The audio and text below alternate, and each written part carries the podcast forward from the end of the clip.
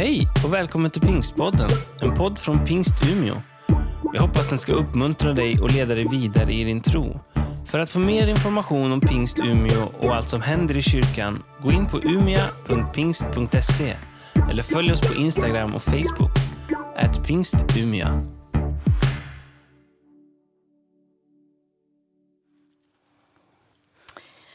Eh, vi ska, dagens rubrik är eh, det lönar sig att tjata. Det lönar sig att tjata. Och vi ska läsa ifrån Kolosserbrevet 4 och från vers 2. Där står det så här. Var uthålliga i bönen. Vaka och be under tacksägelse. Be då också för oss att Gud öppnar en dörr för ordet så att jag kan predika hemligheten med Kristus. Det är för den jag är fängslad och göra den känd och tala som jag bör. Visa klokhet i umgänget med det utomstående och ta väl vara på tiden. Lägg alltid era ord väl och ge dem sälta. Ni måste veta hur ni ska svara var och en. Var uthålliga i bönen. Eh, det lönar sig att be. Ett annat, alla har nog förstått att det handlar om bön idag. Och en annan rubrik skulle vara, kunna vara Det lönar sig att be. Men när jag fick den här rubriken för några veckor sedan av Fredrik och han frågade om jag skulle predika så har jag gått och funderat och bett och så här och så har jag ändrat om den till en fråga faktiskt. Det blev en fråga och den blev så här. Lönar det sig att tjata? Lönar det sig att be? Lönar det sig att tjata? Lönar det sig att be? Och vi har ju på en gång att frågan är ställd av oss människor. Vi vill att saker och ting ska löna sig och att det ska ge någonting, det vi gör. Jag har sett, jag har inte laddat ner den själv, men tydligen finns det en app som man kan ladda ner i telefonen som är en form av en stegräknare. Och den här stegräknaren då, om jag då är ute och promenerar så ger varje steg poäng. Och de här poängen kan man sedan lösa in då, som belöningar eller värdecheckar. Och det kan vara att man får någon vecka fri lyssning på Storytel eller något sånt här. Vi vill att saker och ting ska löna sig. Och kanske tar vi med oss samma tankar när vi går till kyrkan, när vi kommer till Gud, när vi kommer till bön och Bibeln. Att det ska löna sig på något sätt. Lönar det sig att gå hit? Lönar det sig att ta fram Bibeln och läsa igen? Att be igen? Att engagera sig? Är det lönt? Är det lönt att nämna det här bönämnet som du har eller som jag har på nytt inför Gud? Och måste man gå hit för att kalla sig kristen? Och så kan vi fortsätta så här. Och vi har säkert ställt den här frågan till oss själva ibland. Är det lönt? Men då tänkte jag så här, hur ska vi få svar på den här frågan? Lönar det sig att tjata? Lönar det sig att be? Och då tänkte jag att vi ska ställa den här frågan till tre personer i Bibeln. Och eh, en har redan nämnts här idag och det är ju Daniel. Jag tänkte att vi skulle ställa den här frågan till Jobb, Daniel och till Jesus själv. Lönar det sig att be? Men så tänkte jag så här också, om jag skulle ställa den frågan här och be om handuppräckning. Nu ska jag inte göra det. Men, och jag skulle fråga så här, lönar det sig att be? Då vet jag att många av er skulle räcka upp era händer.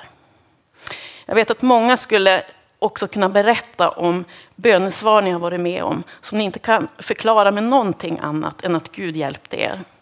Ni har fått vara med om saker som, ja, som ni vet, det här, då grep Gud in. Och samtidigt vet jag också att många av er sitter också med böner som ni kanske inte har fått svar på. Ni har kanske fått vara med om svåra saker och mist människor ni har stått nära. Livskamrater, barn, vänner, ja, svårigheter. Och ändå skulle ni räcka upp er hand och säga att det lönar sig att be.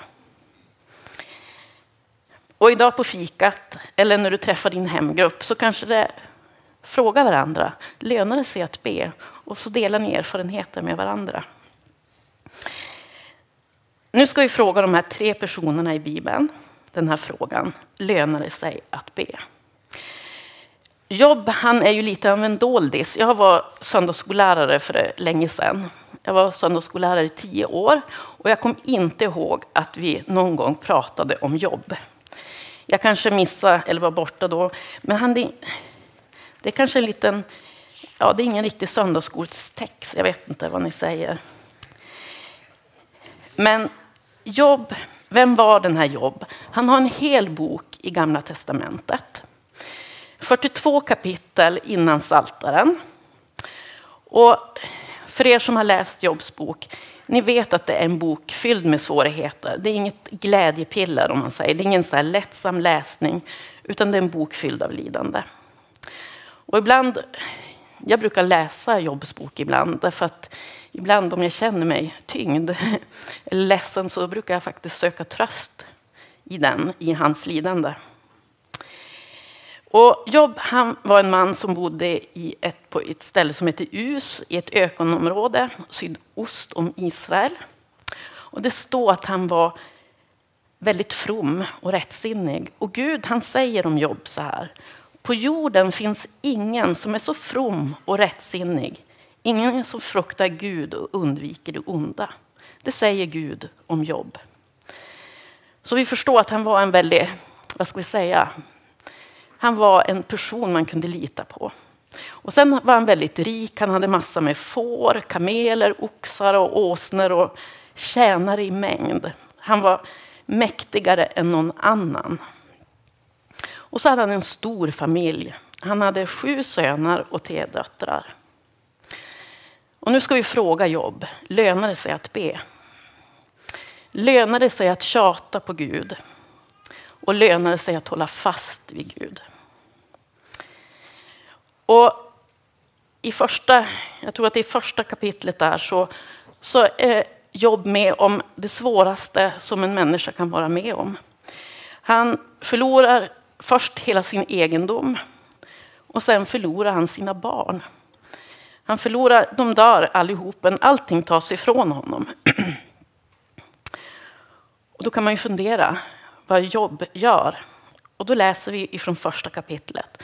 Då har Jobb fått veta att hans söner och döttrar har dött.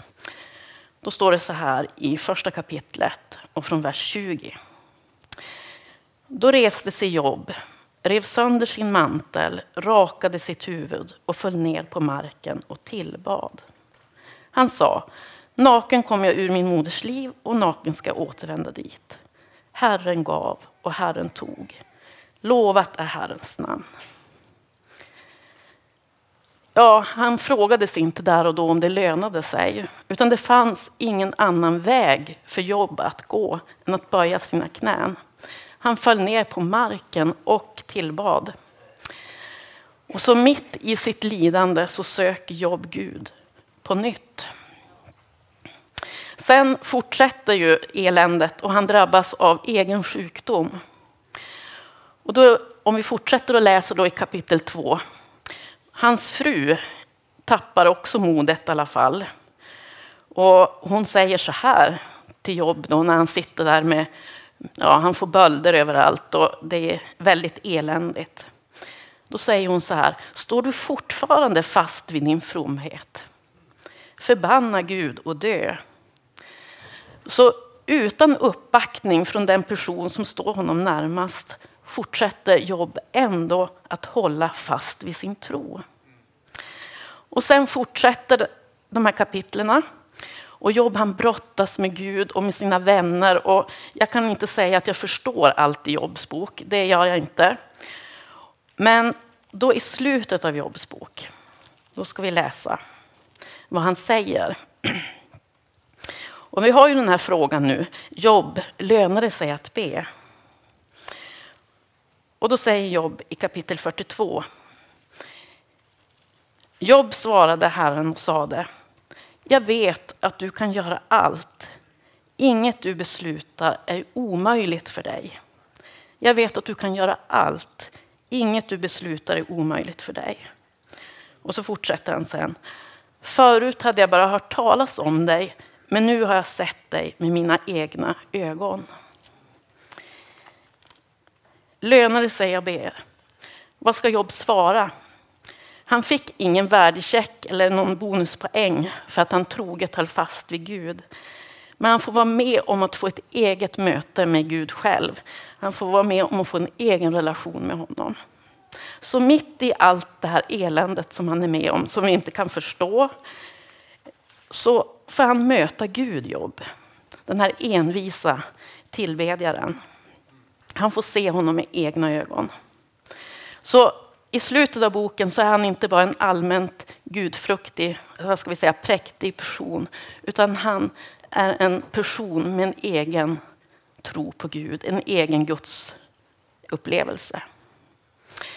Och nu ska vi fråga Daniel samma fråga. Daniel, lönar det sig att be? Och vi har ju varit inne och pratat om Daniel redan. Och han är en ung kille. Och det står att han är en ung gosse, så han var inte 25, han var inte 35, utan han var kanske 14-15 år. Och han förs bort till ett främmande land. Han skiljs från sin familj, sitt sammanhang. Och så hamnar han här i Babel i, hos Nebukadnessar. Han är en ung person som bestämmer sig, även fast han är då i det här nya sammanhanget. Jag vill hålla fast vid min tro. Jag vill hålla fast vid Gud. Och han ber. Och det står i det att han ber tre gånger per dag. Kanske på morgonen, mitt på dagen och på kvällen. Och nu ska vi fråga Daniel så här. Lönar det sig att be Daniel? Lönar det sig att söka Gud? Ja, det gör ju det. Han får ju vara med om att Gud välsignar honom. Och precis som vi hörde, han får vara med och tyda drömmar. Han får vara med och faktiskt hjälpa kung Nebukadnessar i svåra situationer. Men det som händer är ju det att Nebukadnessar han, han tycker väldigt mycket om Daniel och han, han blir ju som lite favoriserad där och det går bra för Daniel. Och då blir hans vad ska vi säga, arbetskompisar eller de andra tjänarna de blir avundsjuka på Daniel och så vill de försöka få iväg honom. Ja, och, så de försöker hitta någonting. Kan vi hitta någonting vi kan kritisera Daniel för? Och de letar, men de hittar ingenting. Och så säger, säger de så här. Vi lär inte hitta något att anklaga den här Daniel för ifall det inte gäller hans gudsstyrkan. Så hans arbetskamrater de går till kungen och säger så här att vi har en idé. Vi tycker att, vi, att du ska instifta en lag där ingen får be till någon annan än till dig, Nebukadnessar, under 30 dagar. Och gör man det så ska man kastas i lejongropen. Och kungen han blir ju lite smickrad av det här och tycker att det känns ju fint, ett bra förslag. Så han stiftar den här lagen. Och då kan man ju fundera vad Daniel gör när han får se den här lagen och när han får se det här. Jo, han går hem och ber. Och eh, jag tänker samma sak där som med jobb. Han kanske aldrig funderade, lönar det sig att be? Kommer det här att löna sig i slutändan om jag går hem nu och ber? Utan det fanns ingen annan väg. Han kände inte till någon annan väg än att fortsätta att be. Och så läser vi i Daniels bok. Ifrån kapitel 6, då står det så här. I vers 16. Då lät kungen hämta Daniel och kasta honom i lejongropen. Och kungen sa till Daniel, må din Gud som du ständigt dyrkar rädda dig. Och vi har ju läst hela berättelsen om Daniel. Vi kanske har sett söndagsskolplanscher där änglar kommer och ja, beskyddar Daniel. Men Daniel hade ju inte läst berättelsen om sitt eget liv. Han visste ju inte vad som skulle hända. Men han fortsatte att be. Daniel lönade sig att be. Och vad svarar Daniel? Ja, det gör det. Gud är med i både med och motgång. Och befinner du dig i en svårighet så får, får eller befinner vi oss i en svårighet så får vi bjuda in Gud i den. Och låta hon, ja, att han får vara med och bära oss igenom det svåra. Det är lönen, tänker jag. Och nu har vi den tredje personen vi ska fråga om det lönar sig att be. Och det är Jesus själv. Och det kanske känns lite konstigt att fråga Jesus om det. Lönar det sig att be? Guds son. San, eh, Sandra läste här för, om att be, Jesu uppmaning att be. Och Jesus han uppmanar oss att be flera, flera gånger i evangelierna. Och han gick även undan själv och bad väldigt mycket. Han drog sig undan, står det. Han sökte ensamheten. Han både uppmanade oss att be och bad själv.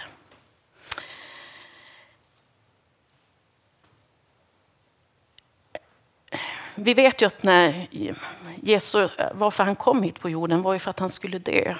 Att han skulle dö och uppstå. Och han visste det här att han skulle, att han skulle bli korsfäst och han skulle dö för vår, vår skuld, för våra synder. Och jag tänker att korsfästelsen det var ju en smärtsam död och det visste Jesus. Och han visste att mycket lidande låg framför honom. Och jag tänker att det, han var ju både Gud och han var människa på samma gång. Och därför tänker jag att han både var osäker och rädd för det som låg framför. Och vad gör Jesus när han vet att det här, nu, nu vet jag att snart ska jag lida och dö. Snart kommer de för att hämta mig. Jo, Jesus ber. Och vi ska läsa ifrån Lukas evangelium. Och det är från kapitel 22. Och då vet han att nu kommer de snart för att hämta mig och snart ska jag dö för, för mänskligheten. Och vi ska läsa från kapitel 22 och vers 39. Sedan gick Jesus ut till Olivberget som han brukade och hans lärjungar följde honom. När han kom till platsen sa han till dem, be att ni inte kommer i frestelse. Och han drog sig undan från dem ungefär ett stenkast och föll på knä och bad. Far, om du vill, så ta den här bägaren ifrån mig. Men ske inte din vilja, min vilja, utan din. Då visade sig en ängel från himmelen för honom och gav honom kraft. Han kom i svår ångest och bad allt ivrigare och hans svett blev som blodsdroppar som föll ner på jorden. Jesus lönade sig att be. Vi vet ju inte, vi kanske inte kan jämföra vårt liv med Jesus, men vi vet ju inte exakt vilket lidande eller hur våra liv kommer att se ut.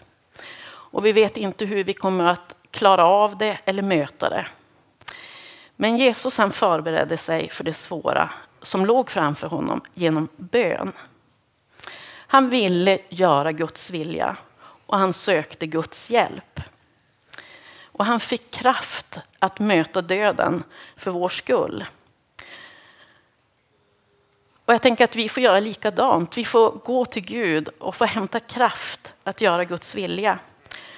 Och det står, jag, jag vet inte om att jag läst den här versen förut, men vers 43 står det där. Då visade sig en ängel från himlen för honom och gav honom kraft. Och jag hittar inte någon, att det står så i någon av de andra evangelierna. Men en ängel visade sig för Jesus och gav honom kraft. Han fick se en bit, Gud visade sig en bit för honom så att han fick kraft att göra Guds vilja. Sen står det att han fick ångest, svår ångest. Sån svår ångest att han, att han svettades blod. Och jag tänker så här att ångesten var inte ett bevis för att Gud inte var med honom. Utan Gud var med honom trots att han hade ångest och han hade det så svårt. Lönar det sig att be? Lönar det sig att hålla fast vid Gud? Och ja, vi kanske inte får bonuscheckar eller att vi får poäng för våra böner som vi sen kan lösa in och få saker för. Jobb, han var en trotsig och envis bedjare som trots lidande håller fast vid sin Gud. Han säger att efter allt svårt han har gått igenom så hade han, bara tidigare då hade han bara hört talats om Gud, men nu hade han fått möta honom själv med egna ögon. Den personliga tron och den egna gudsupplevelsen. Och Daniel, den här unga envisa bedjaren som trots hot om sitt, mot sitt liv fortsätter och fortsätter att be till Gud. Han får uppleva att Gud är med honom, att han får vishet och välsignelse. Men han får också vara med om hot mot sitt liv. Hans trohet prövas. Men han håller fast vid Gud. En trotsig förtröstan på Gud. För det finns ingen annan väg. Ja, lönen, det är att vi får bjuda in Gud i våra liv, i det som är svårt och det som är lätt. Och Jesus som vet att han ska lida och dö söker kraft i bönen för att göra Guds vilja. Jag tänker så här, vill du ha en personlig relation med Gud, då ska du be. Vill du uppleva Guds välsignelse över ditt liv i med och motgång, då ska du be. Och så vill du få kraft att möta svårigheter och lidande, då, då ska du be. Och vill vi få mod att göra Guds vilja, för ibland kan det ju vara så att vi inte känner oss så modiga, då får vi be. Och jag tänker idag så finns det möjlighet till personlig förbön. Idag kommer vi att kunna gå fram till förebedjare och förebedjare lägger sin hand på, på dig och ber för ditt bönämne. Du kan få skriva ditt bönämne och sätta fast på korset. Du kan få tända ett ljus och påminna Gud än en gång om ditt bönämne. Och så tänker jag så här, idag är en sån här en gång till-dag. En gång till vill jag be till dig Gud. En gång till vill jag gå till dig Gud och be för min familj, för mina barn, för min livssituation, för mitt arbete, för mina relationer och så vidare. En gång till vill jag söka dig Gud. Och för någon kanske det är den första gången. Men jag tänker det spelar ingen roll. Vi får komma idag till honom med vårt böneämne. Första gången eller hundrade gången. Och vi är välkomna, tänker jag. Vi ska be tillsammans. Tack Gud att vi får be till dig på nytt, Herre. Och vi får tjata på dig och vi får komma till dig, Herre. Och vi får envist hålla fast vid dig, Herre. Att du har bön och att du vill lyssna till oss, Herre. Herre, tack för att du vill välsigna fortsättningen av den här gudstjänsten, Herre. Tack att du är här och tack att du vill möta med oss, Herre. Och jag ber för den som känner att nu har jag bett så mycket och Gud verkar inte höra, Herre. Tack att vi får hjälpas åt den här dagen och be för varandra, med och för varandra, Herre. Vi ber att du ska höra våra böner och hjälpa oss i den situation vi är i, Gud. Och Herre, tack att vi får tillsammans säga att du har bön, Herre. Du vill lyssna till oss, Herre. Amen.